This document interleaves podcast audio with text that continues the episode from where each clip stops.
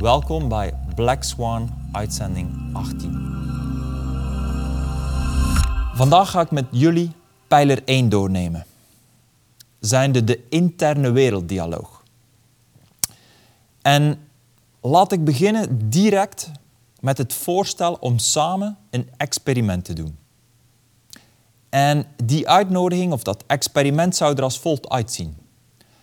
Namelijk een uitnodiging om de komende 30 minuten jezelf ertoe te brengen om op een extreme manier te focussen. Uit je hoofd te blijven, weg te blijven bij gedachten die opkomen of bepaalde meningen of oordelen, waardoor dat je uitgecheckt bent en niet meer aanwezig bij datgene wat ik te delen heb. En het experiment ziet er als volgt uit dat je het opmerkt, dus een bewustzijn als je uitgecheckt hebt, want het gebeurt sowieso heel vaak. En dan twee woorden te gebruiken zijnde niet dat. En opnieuw te focussen.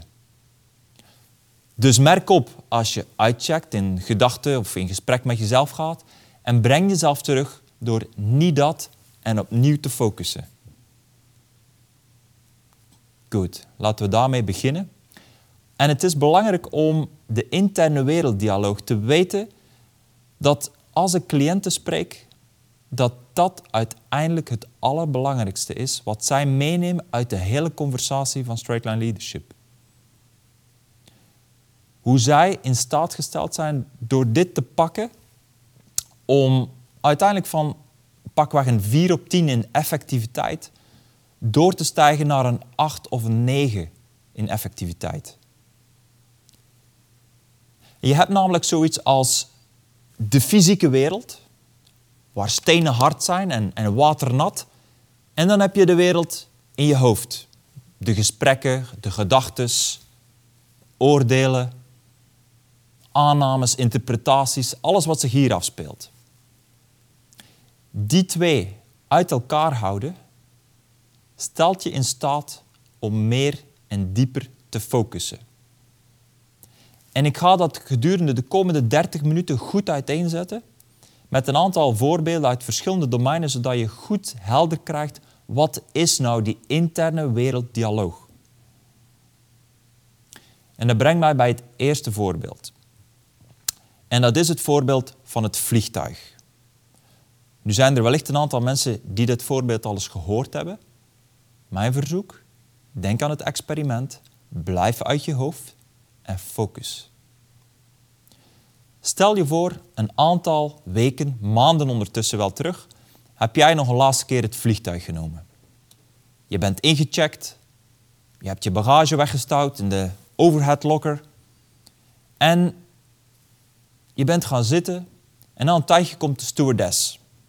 Die gaat voor aan het vliegtuig staan en die begint er verhaal over de veiligheidsvoorschriften. Het masker, de nooduitgangen, noem maar op. Is je ooit opgevallen hoe mensen luisteren? Hoe jij luistert? Grote kans dat je nu zegt niet, helemaal niet. De vraag is, wat doen mensen dan wel als ze niet luisteren naar de stewardess die daar heel belangrijke zaken vertelt? Nu, de mensen zijn vaak in gesprek met zichzelf over de voetbalwedstrijd van gisteravond waar ze de laatste goal net gemist hebben. Of een belangrijke meeting gisteren met een medewerker die ze ontslagen hebben. En toch ergens een onderbuikgevoel van hebben, ah, was niet fijn. Of misschien aan het hotel waar ze straks naartoe gaan en hopen dat het er wel uitziet zoals Booking.com beloofd heeft. Of een belangrijke boardmeeting die ze vanavond hebben. Ze zitten in gedachten verzonken en horen niet wat de stewardess vertelt. Fast forward, we zijn 30 minuten verder. Het vliegtuig is op cruise-snelheid, 10.000 voet hoogte. En opeens valt die rechtermotor uit. Er komt wat rook uit de motor en er ontstaat wat rumoer in de cabine. Wat onrust. Op een gegeven moment gaat de deur van de cabine van de piloot open en de piloot die stapt op de stewardess af, fluistert iets in haar oor en die stewardess die trekt lijkbleek weg. Ze komt opnieuw voor de groep staan voor het vliegtuig en die zegt: Dames en heren, ik ben hiervoor getraind. Ik had alleen gehoopt dat ik dit nooit echt in de praktijk zou moeten doen. Maar zoals jullie gezien hebben, is de rechtermotor uitgevallen. En het is op dit moment geen kwestie of we een noodlanding moeten maken, maar waar we een noodlanding moeten maken, aangezien we boven volle zee zitten. Maar als je de komende paar minuten heel aandachtig luistert, dan stijgt je overlevingskans met 80%.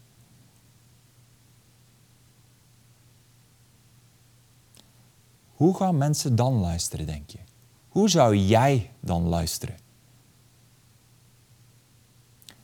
Grote kans op een veel intensere manier. Grote kans dat je aan de lippen hangt om elk woord wat ze zegt op te nemen om bewijzen van je eigen leven te redden. Dus je wilt echt alles oppakken. Als een industriële stofzuiger wil je alles wat er gedeeld wordt in je opnemen. Nu kun je al voorstellen dat het level van focus in het eerste gedeelte of in het tweede gedeelte bepaalt wat je uit het gesprek haalt, wat je meeneemt uit datgene wat ze zegt. Focus is het allerbelangrijkste als het gaat om aanwezig te zijn en op te pakken wat er echt gezegd wordt en wat er zich echt afspeelt. Zo was er ooit een interview waar Warren Buffett en Bill Gates terzelfde tijd in het interview zaten. En er werd hun een vraag voorgesteld. En de vraag luidde als volgt. Schrijf op een papiertje, onafhankelijk van elkaar, dus ze mochten niet zien wat ze opschrijven, in één woord wat hetgeen is wat jou het grootste succes heeft bezorgd. Allebei schreven ze onafhankelijk van elkaar op focus. En focus is iets wat je creëert. Iedereen heeft een stem in zijn hoofd. Altijd. Er zijn altijd gedachten. 24 uur per dag. En die kun je niet uitzetten. Er is geen knop. Ik zou je graag zeggen waar die zit, zodat je het kan uitzetten. Alleen die bestaat niet. Maar een leider is wel in staat om die gedachten te herkennen, er bewust van te zijn die te negeren en te focussen op dat wat hij moet doen. Geen weerstand hebben tegen die stem. Die stem is er toch wel. What you resist persists. Dus waar je weerstand tegen hebt, groeit of blijft overeind. Dus accepteer dat die stem er is. Negeer ze, je hoeft er geen aandacht aan te besteden. En blijf gefocust. Doe wat het is wat je moet doen.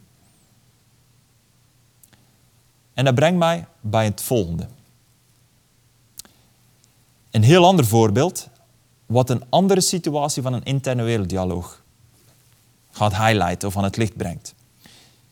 Stel je voor, je zit aan de bar, alleen. Je kijkt naar rechts en op de hoek zit een man en een vrouw. En je ziet direct dat die man is bezig om die vrouw te versieren. Hoeveel gesprekken zijn er gaande? Het is geen strikvraag, maar er zijn één, twee, drie, vier gesprekken, allerlei verschillende antwoorden, maar uiteindelijk zijn er heel veel gesprekken gaande. Het meest voor de hand liggend is het gesprek wat jij als buitenstaander, de man aan de bar, kunt horen. Dat is het eerste gesprek. Vervolgens heeft die vrouw ook een gesprek in haar hoofd over die man. Kan zoiets zijn als: wat een loser. Wat een gladjakker met zijn haar in de gel. Helemaal niet mijn type. Die vrouw heeft wellicht ook een conversatie over het gesprek wat ze heeft met die man. Het zou kunnen zijn, ik ga hier snel een eind aan maken, want hier zit ik echt niet op te wachten. Die man die heeft op zijn beurt ook een gesprek over die vrouw. Dat kan zijn, het is exact mijn type. Strak lijntje, ziet er echt chic uit. Goh, als ik daar eens... Hè? Vervolgens heeft die man ook een gesprek over hoe het gesprek verloopt. En die kijkt ernaar als, hmm, hey, dit loopt goed. Misschien heb ik vanavond nog wel geluk en kan ik nog scoren. Al bij al zijn er dus heel veel verschillende gesprekken gaande. Dus wat je wil weten als leider, om dit nu naar business te trekken. Als jij denkt, op het moment dat je met een medewerker in gesprek zit, dat er uiteindelijk maar één gesprek gaande is, dan sla je de bal mis. Want dan mis je 80, 90 procent van datgene wat er wel daadwerkelijk zich afspeelt. Er zijn namelijk veel meer gesprekken, want jij zit in je hoofd met een gesprek.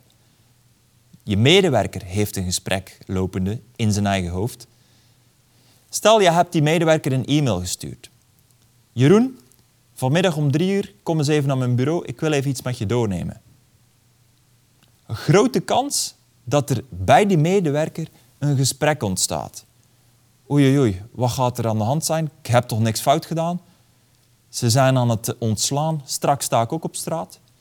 Dus die medewerker komt in het gesprek met allerlei conversaties hier. Als jij dan gewoon begint te praten over een deadline of iets wat moet gebeuren, ja, dan kan ik je zeggen dat de eerste minuten gewoon helemaal langzaam heen gaan. Die pakt niks op van alles wat jij te vertellen hebt. Een leider merkt op wat er zich afspeelt en dealt daarmee. Als jij in gesprek bent met een managementteam of met, je groep, met een groep medewerkers, stel je voor hoeveel gesprekken er dan wel niet gaande zijn. Maar een leider is in staat om de aandacht erbij te trekken, die neemt daarvoor de verantwoordelijkheid en deelt vooral met wat er zich uiteindelijk onder tafel afspeelt. Die merkt op wat de gesprekken zijn die wellicht gaande zijn. Die trekt mensen erbij en die zorgt ervoor dat echt gefocust wordt, zodat dat wat hij zegt echt een impact maakt. Goed. Dat gezegd zijnde brengt mij opnieuw bij een heel ander voorbeeld van een interne werelddialoog, waar ik zeker weet dat voor een groot deel van jullie echt uh, herkenbaar zal zijn. En dat is het moment waarop jij ooit besloten hebt, ik moet een paar kilo afvallen.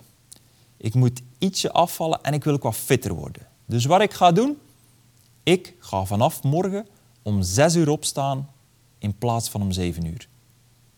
En ik ga een uur gaan hardlopen. Goed voornemen, jij zet die wekker. morgens om 6 uur gaat die wekker af. En het eerste wat je doet is snoes. En vervolgens, in je hoofd, begint er een stemmetje. Oh man, dit is vroeg. Jezus, staan mensen echt op deze tijd op? Dat, dat is niet menselijk. Oh man, dat kan, als ik nu opsta, dan ben ik heel de dag kapot, man. En ik heb om 11 uur die belangrijke boardmeeting. Als ik nu opsta, ja, ik moet gewoon scherp staan. Dat kan niet anders.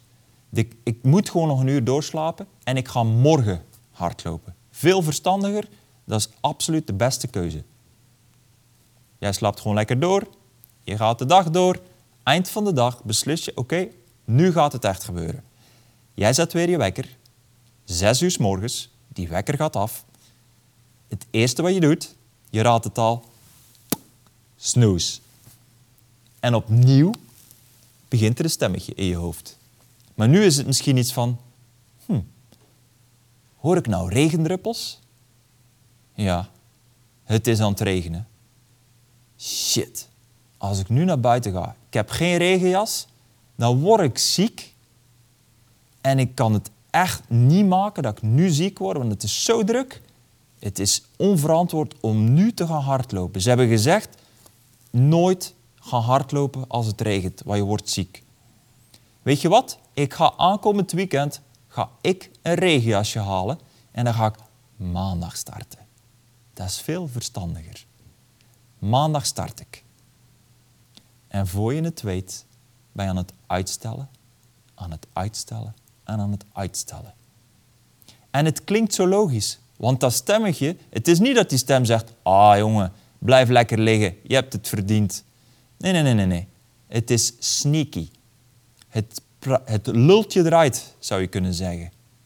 Het zorgt ervoor dat het gewoon logisch en verstandig klinkt dat je het niet doet. En ik heb er wapen voor. Wat je kunt doen om je daartegen te wapenen is integriteit. Namelijk zeggen wat het is wat je gaat doen en het doen. Als het gaat over een interne werelddialoog, dan kun je het ook zien als een spier. De spier van discipline. En een spier kun je trainen. Een spier kan je trainen door integriteit toe te passen.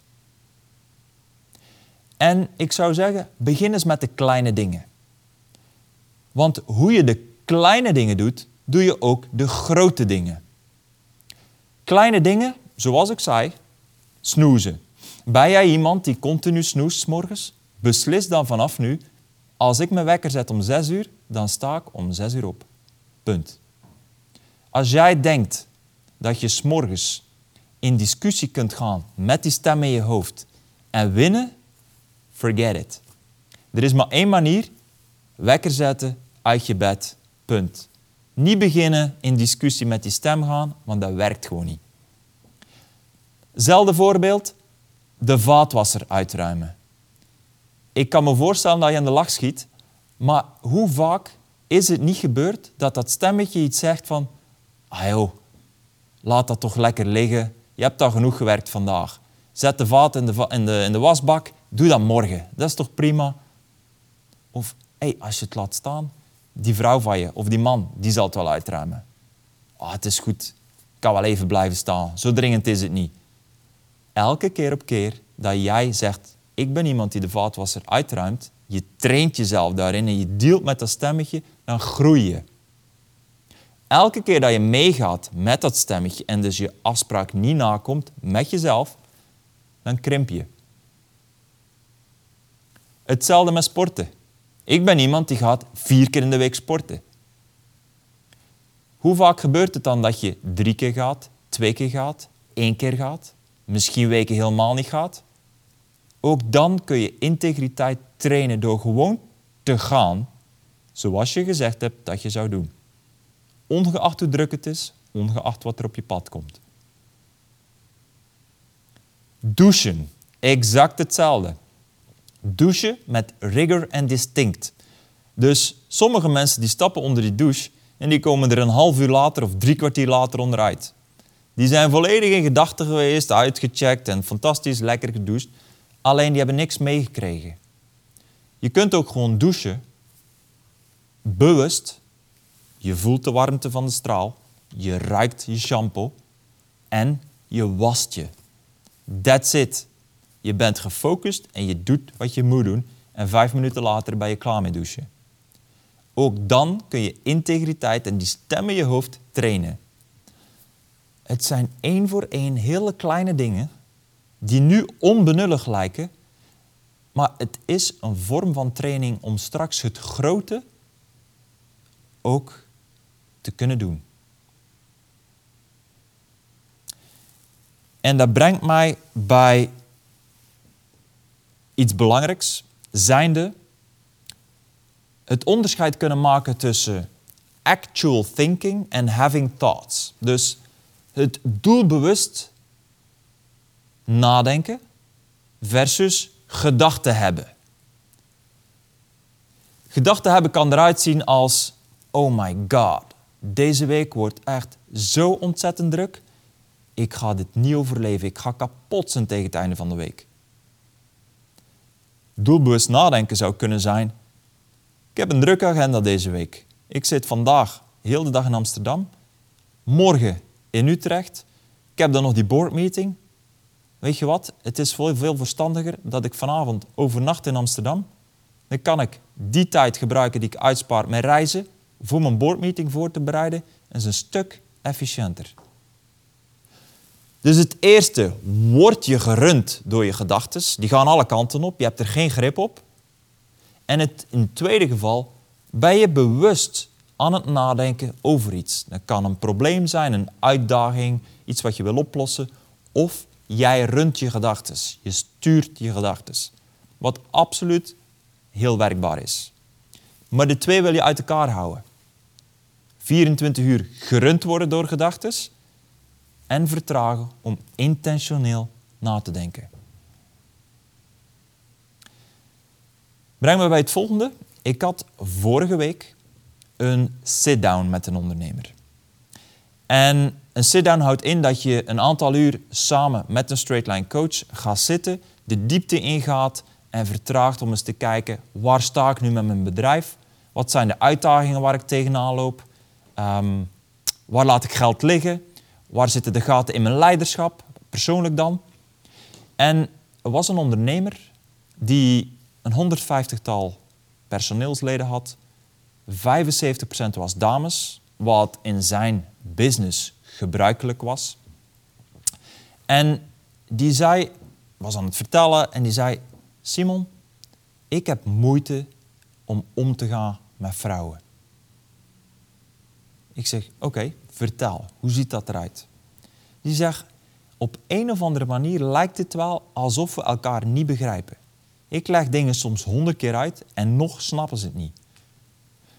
Als we dingen afspreken, dan komen ze het niet na of er is een uitleg. Ze nemen geen verantwoordelijkheid. Ik weet niet wat het is, maar ook heel veel roddelen achter elkaars rug om. Weet je, op een of andere manier, vrouwen zijn niet te vertrouwen. Ik zeg, oké Fred, als jij zegt, vrouwen zijn niet te vertrouwen. Geef mij eens wat meer uitleg daarbij. Hoe ziet dat eruit dan? Ja, ja, weet je, het is eigenlijk net zoals ik zei. Ik maak afspraken met ze en in 9 van de 10 gevallen alleen een hoop ellende, uitleg, maar nooit resultaat. En dat roddelen wat ik zei, het is, je kunt het je niet voorstellen, maar de beste vriendinnen, de beste collega's zo gezegd, en continu zitten die ontzettend gemeen achter elkaars rug gewoon te lullen. Allemaal drama ontstaat er en wie mag het weer oplossen? Ik. Zit ik toch niet op te wachten, man? En dan nog iets, zegt hij. Ik weet niet wat het is, maar dan spreek ik af, hou dit tussen ons. Het lijkt wel alsof dat niet in hun woordenboek staat, want binnen no time weet heel het bedrijf het. En met die mannen, zegt hij, dan spreek ik één woord, die snappen wat ik bedoel, die gaan erop uit, die creëren alsof die een andere taal spreken. Vrouwen zijn niet te vertrouwen, zei ik. We zijn nog wat dieper het gesprek ingegaan, we zijn nog wat uitgebreid. Nou, waar we uiteindelijk toe kwamen, het statement, oftewel de interne werelddialoog die hij heeft, vrouwen zijn niet te vertrouwen, waar dat vandaan kwam is dat hij een aantal jaren terug, in het begin toen hij beginnen met werken is, in zijn carrière, een werkgever heeft gehad die dat continu de hele dag doorriep. Vrouwen zijn niet te vertrouwen. Waarom? Omdat die man een aantal keren in zijn huwelijk bedrogen is geweest, waarbij zijn vrouw dus vreemd is gegaan. Dat zinnetje is bij hem blijven hangen. Hij neemt dat onbewust mee. En als we dan kijken naar zijn relatie, of zijn liefdescarrière of zijn, zijn huwelijken, heeft een aantal huwelijken versleten. En telkens is het geweest of hij is vreemd gegaan of zijn vrouw is vreemd gegaan. De conclusie die hij eraan gehecht heeft is, vrouwen zijn niet te vertrouwen. In business ook. Een aantal voorbeelden die echt een impact hebben gemaakt, een aantal problemen die hij heeft gehad. Telkens opnieuw kwamen tot dezelfde kern. Vrouwen zijn niet te vertrouwen. Dus in de relatie met vrouwen zit zijn interne werelddialoog, vrouwen zijn niet te vertrouwen, in de weg om een echt oprecht gesprek te hebben. Om echt te vertragen, heldere afspraken te maken, dingen echt uit te leggen. Dus zijn interne werelddialoog, vrouwen zijn niet te vertrouwen, neemt hij mee in het gesprek in wie hij is, wat hij zegt, wat hij niet zegt, wat hij doet of niet doet, hoe hij in de wereld beweegt, wat op zijn beurt beïnvloedt wat het resultaat is van zijn acties. Dus onbewust zit hij in een cirkel waar hij als een self-fulfilling prophecy, zou je kunnen zeggen, zijn eigen wereld creëert. Dus zijn interne werelddialoog, vrouwen zijn niet te vertrouwen, bepaalt zijn gedrag en zijn gedrag bepaalt zijn uitkomst. Toen hij dat kon pakken, was hij in staat om ineens een soort Eureka-moment te zien hoe dat de rode draad door zijn leven is geweest. Dat statement, die interne werelddialoog die hij overal in meeneemt. Nu, dat heeft hem nu de mogelijkheid genomen, gegeven om het opzij te zetten en te doen wat hij moet doen. Daadwerkelijk vertragen, een gesprek hebben, heldere afspraken maken en vooruit bewegen. Dat brengt mij bij het laatste stukje waar ik een aantal interne werelddialogen nog eens wil opsommen, zodanig dat je wat meer duidelijkheid nog krijgt voor jezelf. Wellicht kun je er een paar uithalen die herkenbaar zijn. Ehm, hier volgen ze. Ik ben niet slim genoeg, want ik heb geen hoger diploma. Ik moet eerst heel zeker zijn voordat ik kan beslissen. Ik moet wel weten dat ik de juiste beslissing neem, alvorens ik kan beslissen. Ik ben niet zo'n leiderstype, zo'n people manager. Ik ben niet zo'n sporter. In een relatie is het normaal dat partners jaloers zijn. Het is echt moeilijk om te veranderen. Ik ben ermee bezig, maar het kost wel tijd. Als ik één fout maak, dan kan het zomaar voorbij zijn. Personeel, dat kost alleen maar geld. Hoe groter mijn bedrijf, hoe minder tijd voor mijn gezin. Ik zal altijd geld tekort komen. Een samenvatting van een aantal interne werelddialogen die een gigantische impact hebben op hoe jij in de wereld beweegt. Ik ga daar een opdracht aan koppelen.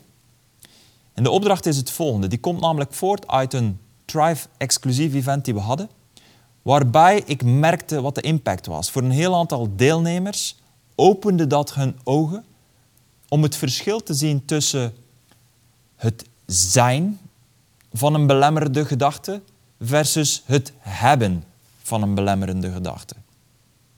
Het ziet er als volgt uit. Je gebruikt het zinnetje ik heb een gedachte die zegt dat. Even terugpakken naar de voorbeelden. Ik pak er een paar uit.